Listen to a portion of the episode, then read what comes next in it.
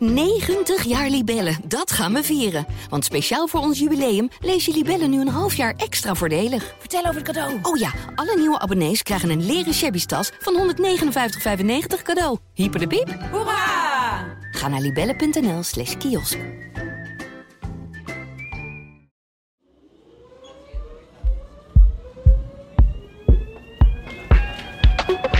Ineens waren ze er. Flitsbezorgers. Jonge mannen en vrouwen die met een gekleurde tas door de stad racen om jouw boodschappen binnen 10 minuten te bezorgen. Waar komen deze bedrijven ineens vandaan? Moeten we ze wel willen in de stad? En zijn ze überhaupt te stoppen? In Amsterdam Wereldstad, een podcast van het Parool, bespreken we een Amsterdams fenomeen en geven we antwoord op de vraag: hoe zit dat eigenlijk? Mijn naam is Lorianne van Gelder. Welkom. Voor we het gaan hebben over de leuke en uh, minder leuke kanten van flitsbezorging, eerst nog even dit. Amsterdam Wereldstad is een nieuwe podcast bij het Parool. Dus alle feedback, tips of vragen zijn hartstikke welkom. Mail even naar podcast.parool.nl. Bij mij aan tafel vandaag twee mannen met verstand van zaken over flitsbezorging. Mark Kruiswijk, uh, Kruis, sorry, dat ging even niet goed. Mark Kruiswijk, verslaggever van het Parool. En Niels van Doorn, onderzoeker aan de UvA, gespecialiseerd in digitale cultuur en de platformeconomie. Welkom beiden. Ja, flitsbezorging. Mark, jij hebt de afgelopen jaren best wel wat geschreven over flitsbezorging. Waar kwamen die flitsbezorgers ineens vandaan en wanneer begon dat eigenlijk? Nou, ze zijn iets meer dan een jaar geleden in Amsterdam uh, voor het eerst te zien geweest. De meeste bedrijven komen uit Turkije. Uh, daar is het al wat langer uh, aan de gang. En opeens zagen we ze. Mensen, we hadden natuurlijk al wel bezorgers. We hadden de Albert Heijn die met busjes bezorgde. En nu waren er ook flitsbezorgers. Meestal mensen op fietsen die binnen 10 minuten je boodschappen aan huis bezorgen. Welke hebben we nu in Amsterdam? We hebben er nu vier. Gorilla's, Zep, Flink en Getir. Oké, en deze hype is dus een jaar geleden begonnen, maar inderdaad, we zien ze nu overal. Dat is dus echt heel snel gegroeid. Um, is er een reden waarom Amsterdam zo'n logische plek was dat zij hier aankwamen waaien en voet aan de grond kregen? Ik denk het wel. Amsterdam is een stad die innovaties en vernieuwingen vaak omarmt. Een jonge, hoogopgeleide bevolking, tenminste een groot deel daarvan is jong en hoog opgeleid, vindt dat interessant. En uh, vindt het ook interessant om op een knopje te drukken en heel snel uh, de boodschappen aan de deur bezorgd te krijgen. Dus het is geen toeval dat dat hier gebeurt.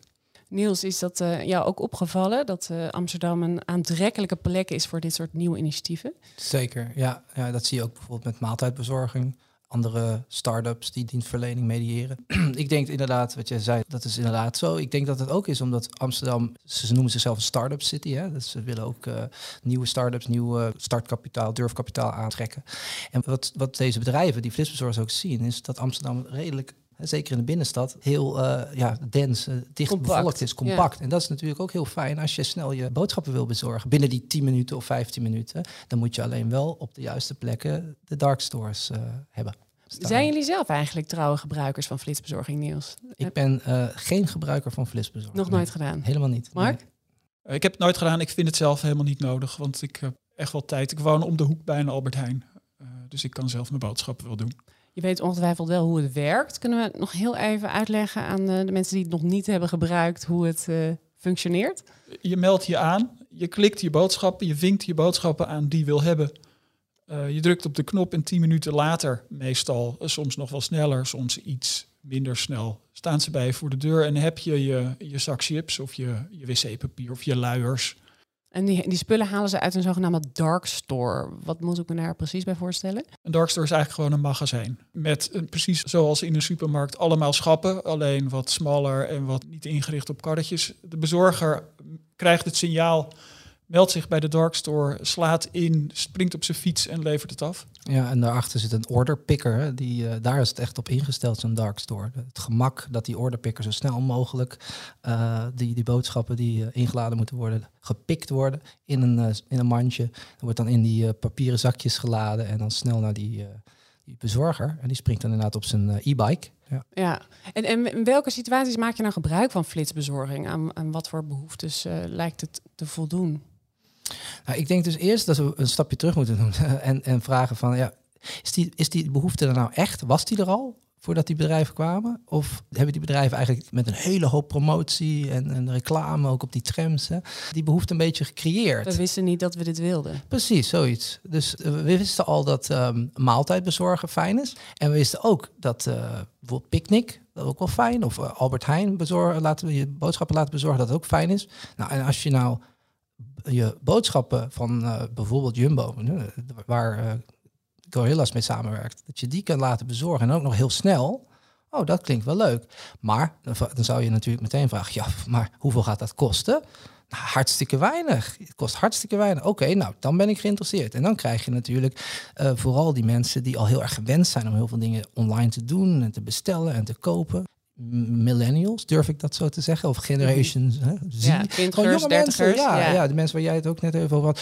Um, ja, en die denken dan, oké, dat wil ik wel proberen. Nou, en als jij dan mooie uh, kortingscouponnen krijgt uh, en gewoon het eigenlijk heel goedkoop is om uh, een, een, beetje ijs en een tandenborstel of weet ik veel wat te laten bezorgen.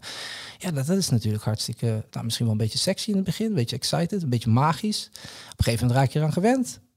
Ja, en dan is nu de open vraag misschien waar we het over kunnen hebben later, of het zo meteen is van, ja, wat gebeurt er dan? Ja. Uh, als de prijzen misschien straks wel omhoog gaan. Want die prijzen gaan een keer omhoog. Maar er waren zelfs verhalen van zulke goede kortingscodes dat uh, scholieren met weinig geld op het schoolplein gewoon een getier bestellen en uh, even een zak chips. Er zijn scholen die daar ook weer tegen willen optreden, dat die bezorgers niet meer op schoolpleinen komen omdat er inderdaad steeds uh, zakken chips worden bezorgd op het schoolplein in de pauze. Ja, en het gemak is inderdaad zo groot. Is er iets mis mee dat je um, ja, zo snel iets wil bestellen? Niels, vind je dat er iets over te zeggen is?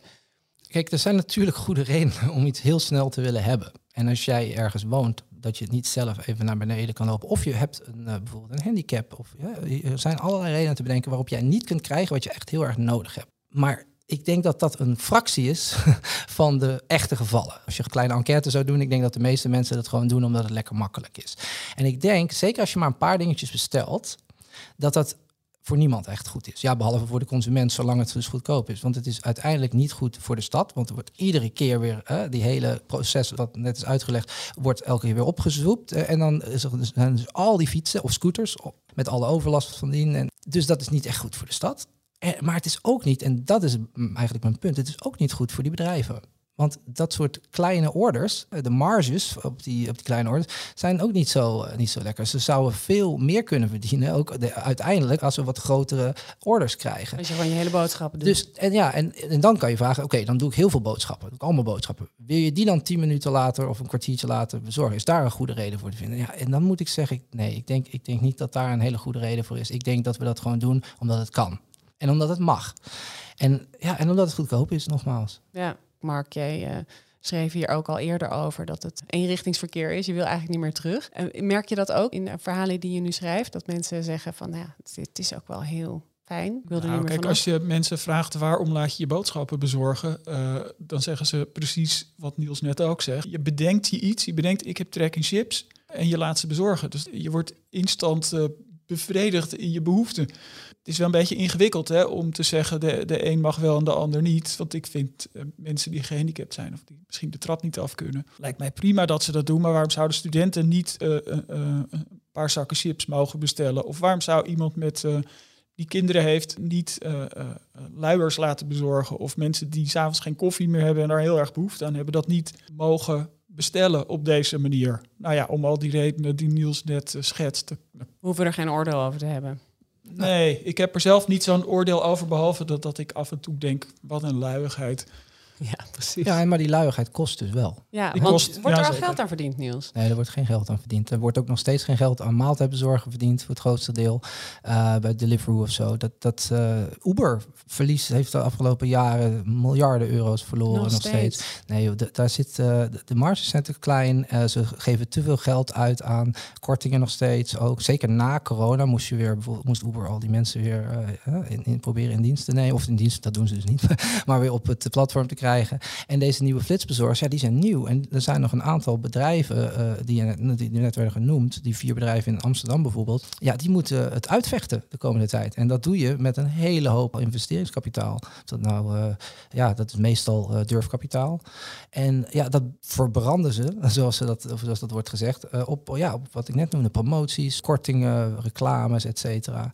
Um, ja, en als er zo rechtszaken komen, ook rechtszaken kosten geld. Dat weet, daar weet Uber en Deliveroo weten daar alles van. Dus er wordt heel veel geld uitgegeven en er, wordt, er komt te weinig geld uiteindelijk nog binnen. Met name nogmaals vanwege die kortingen. En daarom zeg ik, die kortingen gaan een keertje weg. En het zijn voor de duidelijkheid niet de lokale ondernemers die hiervan profiteren, toch Mark? Nou, dat is natuurlijk ook het ingewikkelde. Dat je, uh, ik heb daar met mensen over gesproken die zich zorgen maken over de Amsterdamse winkelstraat. Er staat van alles leeg. Die leegstaande winkelpanden worden niet voller als er straks uh, in de buurt alleen nog maar mensen hun boodschappen bestellen via een flitsbezorger. Dus het is ook, het is ook verschraling van het straatbeeld. En het is ook uh, in die zin sociale armoede. Want ik sprak daar iemand over die daar uh, best wel zinnige dingen over zei. Die zei, ja, normaal gesproken ga je boodschappen doen. Desnoods bij een supermarkt, zoals hij zei. Je komt toch langs een bloemenwinkel of je komt toch langs een koffiebarretje. Uh, dat zijn allemaal momenten waarop je andere mensen kunt ontmoeten, waarop je een praatje hebt, waarop je dingen koopt waar je niet helemaal had bedacht dat je ze zou willen, een bos bloemen.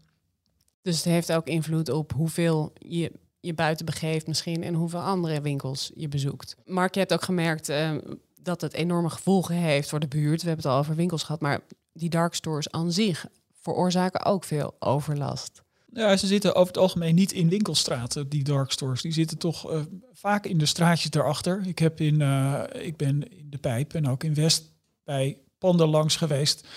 Ja, dat zijn gewoon kleine straatjes. Uh, daar zat voorheen niks, hè, of een, of een meubelshowroom of zo. Een kwijnend bestaan al 30 jaar. En dan komt er een, een dark store in en dan wordt het ineens heel druk. Voor die mensen natuurlijk om te beginnen heel erg wennen. Maar het is ook oprecht voor die mensen die daar wonen best afschuwelijk om ergens te moeten wonen waar om vier uur een vrachtauto uh, boodschappen komt lossen en om vijf uur weer en om zes uur weer en dat de hele dag met van die stalen karren heen en weer wordt gereden. Uh, dat is ergens een plaatselijk probleem. Hè? Ik bedoel, daar heb ik geen last van als het bij mij om de hoek is. Maar als je ernaast woont, het is echt een, een distributiecentrum, maar ook nog de hele dag mensen af en aan uh, uh, fietsen en staan te wachten tot die order gepikt is. Dus dat jongens is... en meisjes die voor de deur blijven hangen tot ja, hun en dat gaat order is. Dat gaat soms fout. Hè? Uh, als de bedrijfscultuur, als er een manager zit die er niet zo, niet zo denderend is. Um, maar ook als het niet fout gaat, heb je er echt veel last van. maar nog eens, dat is de buurt, of dat, is, dat zijn de naaste omwonenden. Um, maar je hebt, dat, is, dat is waar je last van hebt. Ik heb veel over verkeer vervoer geschreven. Uh, al die fietsen, uh, die vaak best hard fietsen in Amsterdam, met die, met die rugzakken en die, en die kratjes voorop. Dat is allemaal extra. En die, fietsen veel, nee, ik wil niet zeggen te hard, maar die fietsen veel harder dan andere fietsers over het algemeen fietsen. Want ze moeten binnen 10 minuten in orde.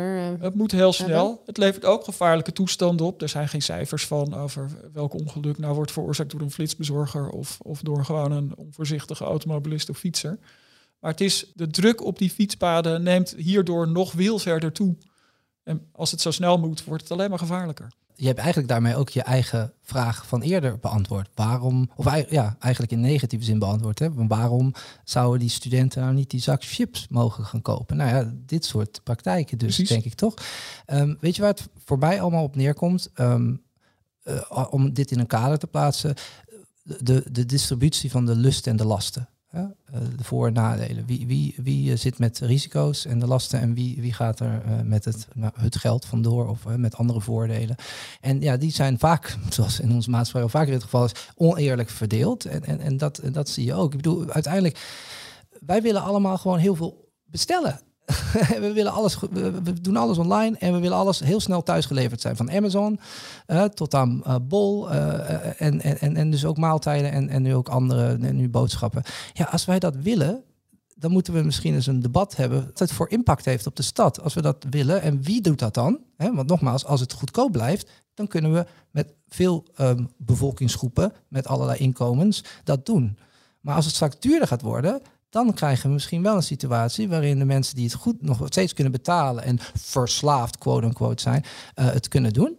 En dan zijn het de mensen met een hele uh, kleine uh, um, portemonnee, vaak migranten, die het, werk, die het de werk doen, het komen afleveren. En een grote groep mensen die niet uh, uh, daar gebruik van kunnen maken. En dat betekent, even heel duidelijk, dat betekent dat zij niet... Natuurlijk kun je die dark store niet in. Dan kunnen jij en ik kunnen ook die dark store niet dat in. Dat is ook het verschil wij, met dat koffie Maar dat is dus helemaal niet waar eigenlijk. Wij, als wij tenminste zo'n appje zouden hebben... kunnen wel die dark store in, virtueel. Ook wij kunnen gewoon winkelen op onze app.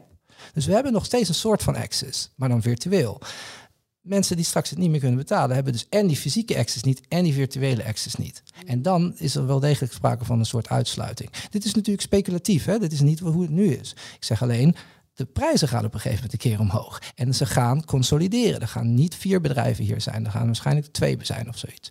En dan kun je je afvragen, lasten en de lusten. Wie draagt de lasten en de lusten? Ja. Is dat een taak voor de gemeente, Mark? Want er worden nu al maatregelen genomen. De bepaalde stadsdelen proberen dark stores uh, weer, te weren. Heb je het idee dat de, dat de gemeente genoeg doet? Is het effectief wat ze doen? Kijk, de gemeente heeft nu als maatregel uh, een tijdje geleden alweer genomen dat er geen nieuwe dark stores meer bij mogen komen. Van de ene dag op de ander. Dan druk je eigenlijk op de rem. Alleen die dark stores die er al zijn, die zorgen ook voor veel overlast. En die zorgen ook voor die, zou je kunnen zeggen, maatschappelijke ontwrichting. Dus die, die zijn er al. En waar, ze, waar de gemeente de laatste uh, weken op handhaaft, is heel erg op de overlast die ze veroorzaken. Als er te veel lawaai is, als er te veel uh, op de stoep wordt gefietst. Daardoor zijn er nu een aantal van die dark stores die uh, opgezegd zijn. Of die de deuren moeten sluiten van de gemeente. Of dat genoeg is, mensen willen dit. Dus het zal er op de een of andere manier vast ook wel van komen. De gemeente probeert het nu enigszins in banen te leiden. En ik denk dat dat redelijk gaat. Maar de, de, grotere maatschappelijke problemen die dit tot gevolg gaat hebben, daar hebben we het nu helemaal nog niet over. De gemeente in ieder geval niet. Dit is uh, toch symptoombestrijding. Ja, precies, symptoombestrijding. Het is uh, reactionair in die zin. En dat is begrijpelijk. Het is nieuw, dus je moet iets. En dan zeg je vaak nee, weet je wel? En dan tik je op de vingers. Nou, dat is nu gebeurd. Maar uh, dat is uiteindelijk niet genoeg. Dus dan moet je gaan nadenken, oké, wat dan? Waar gaan ze dan heen? Want inderdaad, ik ben het wel met je eens dat, dat uh, die gaat, dit gaat niet meer weg, helemaal. Dus, en je kunt ze ook niet buiten de stad zetten, die dark stores, want dan haal je die 10 minuten niet. Dat zou je kunnen doen, wel? denk ik. Ik ben, ik ben geen expert op, uh, op beleid of uh, wetgeving, maar ik denk dat je dat eventueel zou kunnen doen. Maar ja, dat, dat gaat heel erg heftig aan worden gevochten door die bedrijven. Ik denk, het punt hier is dat de gemeente, eigenlijk een beetje in het verlengde van wat ik daarnet zei, Sa samen met de gemeente, samen met de stad, moeten wij gaan hebben over wat, wat, wat willen we met deze services. Eigenlijk, dat gesprek hadden we ook al moeten hebben met maaltijdbezorgen een beetje. Maar dat, dat, hè, dat had nog niet de mate van ja, overlast, om het dan zo te zeggen. Uh, um, en de impact die we, nu, uh, die we nu zien al snel met die flitsbezorgers. En we moeten kijken, oké, wat gebeurt er als platforms de stad, als hun fysieke back-end gebruiken. Dat is waar die producten worden opgeslagen en daar wordt het gepikt en, en, en, en delivered. En ja, dan heb je als stad dat maar te moeten accepteren. Is dat, hè? dat stel ik dus als een vraag. Uh, en dit gebeurt natuurlijk op heel veel plekken op, en ook met heel veel onderwerpen. Want we hadden het over Uber en we hebben het ook over Airbnb gehad. Ook vernieuwende concepten die zich ook afspeelden in de openbare ruimte. Waar die... En de gemeente altijd laat ingreep. Nou ja, maar wat je ziet is dat het altijd eerst uh, uh, iets wordt, is eerst nieuw en leuk en hip. En mensen gaan er gebruik van maken. En je kan naar Lissabon en je, je zit gewoon in een huis, midden in een woonbuurt. Dat is hartstikke leuk. Je kan je eigen huis ver Airbnb'en.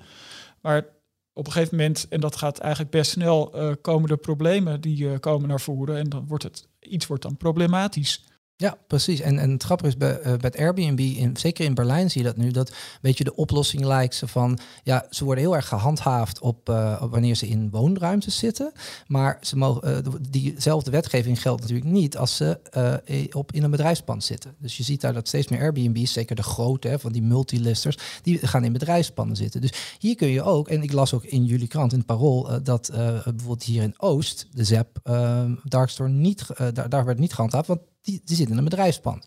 Dus misschien is dat een toekomst. We moeten op zoek naar bedrijfspanden die of leeg staan of wat dan ook. Wat wel ingewikkeld is, dat je, um, wat ja, de stad kan zeggen, we doen die dark stores ergens anders heen, een beetje aan naar de randen van de stad. Dat kan je zeggen, maar je raakt direct aan het verdienmodel van dit soort bedrijven, want die hebben nou juist de, de consument een soort van verslaafd gemaakt aan het feit dat ze binnen 10 minuutjes hun boodschappen krijgen. En als je vanuit Diemen iedere keer uh, vanuit een industrieterrein naar, naar het centrum moet fietsen, dan weet je één ding zeker, dan zijn die boodschappen er niet in 10 minuten. Nee. Worden we niet op een gegeven moment ook wel weer iets coulanter met dat het uh, nou ja, 20 of 30 minuten wel weer genoeg is? Of denk je dat dat het verdienmodel uh, niet ten goede komt. Dat komt het verdienmodel niet ten goede natuurlijk, omdat dat is juist hun value proposition. Hè? Dat is hun waarde, het nieuwigheid. Van wij gaan sneller dan Picnic of uh, Albert Heijn. Ehm, maar ik denk toch inderdaad ook wel iets dat als, wanneer die dark stores inderdaad naar de periferie van de stad worden verplaatst, wat echt een realistische optie is, denk ik, uh, al zal dat aangevochten worden, dan, ehm, ja, dan zul je iets moeten doen met het verwachtingspatroon. En dat zal heel geleidelijk moeten gaan, denk ik. Want je moet ook nog, ik herhaal nog maar een keer, als de prijzen ook weer omhoog gaan en het, duurt, gaat, het gaat langer duren, ja, dan ga je dus massaal ehm, consumenten verliezen. En dan heb je een probleem. Dus ja, zij zullen hand en tand zich verzetten. En, heel, nou, en nog belangrijker, ze zullen heel creatief zijn. Veel creatiever dan ik hier op dit moment kan zijn, want ik weet het niet. Maar ook voor het centrum gaan zij een mooie, mooie oplossing vinden, denk ik. De vraag is, is dat een oplossing waar we als maatschappij, als we als stad mee kunnen leven en mee willen leven. Dat is nogmaals denk ik wat uh, de, de, toekomst moet brengen. Heeft het eigenlijk ook positieve kanten, flitsbezorging, behalve voor de consument? Hm. Hoor je dat het stil blijft? Ja. ja. Als je een, een, een diep gewortelde uh, behoefte hebt aan uh, binnen 10 minuten je boodschappen voor de deur, dan is dat heel goed. Ik ben van mening dat wanneer jouw behoefte, en dus niet noodzaak, maar behoefte maatschappelijk ontwrichtend is of kan zijn, dan moet je misschien eens even bij jezelf te raden gaan en bij anderen. Ik denk niet dat wij uh, zo'n maatschappij willen of moeten hebben uh, die gerund wordt op uh, of gestoeld is op uh, de behoeften van een klasse mensen die het kan betalen om alle hè, to, to be at the back and call, zoals ze het in Engels zeggen, om, om zeg maar alles te krijgen met een knip van je hand en dan wordt er, wordt er geserveerd. Ik denk niet dat dat de manier is waarop we door moeten gaan. Maar dat is ook een politieke uitspraak natuurlijk. Hè? Dat ben ik me ook van bewust. Tot slot ben ik ook wel nieuwsgierig. Ik weet niet of jij de goeroe bent hier die hier iets over kan zeggen. Maar waar verwacht je dat er weer een platformontwikkeling zal komen? nee, ik ben geen goeroe. Uh, omdat uh, als ik dat was, dan uh, werkte ik denk ik niet aan de UvA, maar dan werkte ik ergens anders. Um, nee, kijk, wat je, wat je gewoon ziet is dat um, je moet altijd follow the venture capital. En als je daar naar kijkt, dan zie je gewoon dat er heel veel wordt geïnvesteerd in, in uh, zogenaamde logtech, logistieke technologie, zoals die flitsbezorgers, en in fintech, uh, financiële technologieën. Um, dus, uh, en zeker als je dat combineert met nieuwe betaalmethoden, maar ook nieuwe, nieuwe currencies, hè, de crypto en dat soort zaken. Als je die dingen bij elkaar gooit, dan kun je vast, dat wordt zo'n sausje, daar kun je vast wel nieuwe services van creëren. Maar nogmaals, daar ben ik iets te dom voor. Nou, als je terugkijkt, dan, uh, als je nu terugkijkt naar hoe zich dat ontwikkeld heeft, dan, dan is het eigenlijk bijna logisch dat er nu flitsbezorgers zijn. En dan nog, ik heb geen idee wat de volgende stap is of de, het volgende uh, model waar iedereen zich op gaat storten. Ja, ja, kijk, drones is natuurlijk iets wat nog steeds op de tafel ligt. Hè? Maar ja, dat over, over, over lastig gesproken hè? en ook lastig. Ja, dat is ook logistiek nog steeds heel moeilijk. Technisch Allah. Maar daar, ja, daar komen weer allerlei soorten wetgeving uh, aan te pas. Dat zien we voorlopig gewoon nog niet. Dus we zitten hier vrij dicht bij Schiphol, dus je mag bijna niks met een drone. Uh, nee, dat ook nog, dat bijvoorbeeld. Maar er zijn nog veel andere zaken. Dus ik denk, met gebrek aan drones moet je het toch weer met mensen doen die je goedkoop uh, kan aannemen of niet eens hoeft aan te nemen. En dat is gewoon het verhaal van tech en die frictieloosheid. Ze willen het allemaal automatiseren. Maaltijdbezorg had ook al lang geautomatiseerd moeten worden. Hè. De self-driving cars zijn we ook nog steeds mee bezig. Maar uiteindelijk zul je zien, en zie je het nog steeds, dat het vooral laagbetaalde arbeid is die, uh, die het allemaal mogelijk maakt. Dat is toch de echte motor achter deze platformeconomie. Uh, ja, en die genereert ook een hoop data. En met die data kan je dan weer heel veel leuke nieuwe verticals, zoals ze dat noemen, nieuwe markten uh, aanboren en het volgende verzinnen. Maar ja, zij hebben die data en wij niet. En de gemeente ook niet. Oké, dank jullie wel. Mag ik jullie bedanken voor dit gesprek. Niels van Doorn en Mark Kruiswijk. Dit was Amsterdam Wereldstad, een podcast van het Parool. Deze aflevering maakte ik samen met Marley van Zogel en Josien Wolthuizen. De muziek werd gemaakt door Rinky Bartels. Mocht je nou nog vragen of opmerkingen of feedback hebben, mail dan naar podcast.parool.nl. En we vinden het fijn als je een recensie achterlaat. Volgende week zijn we er weer.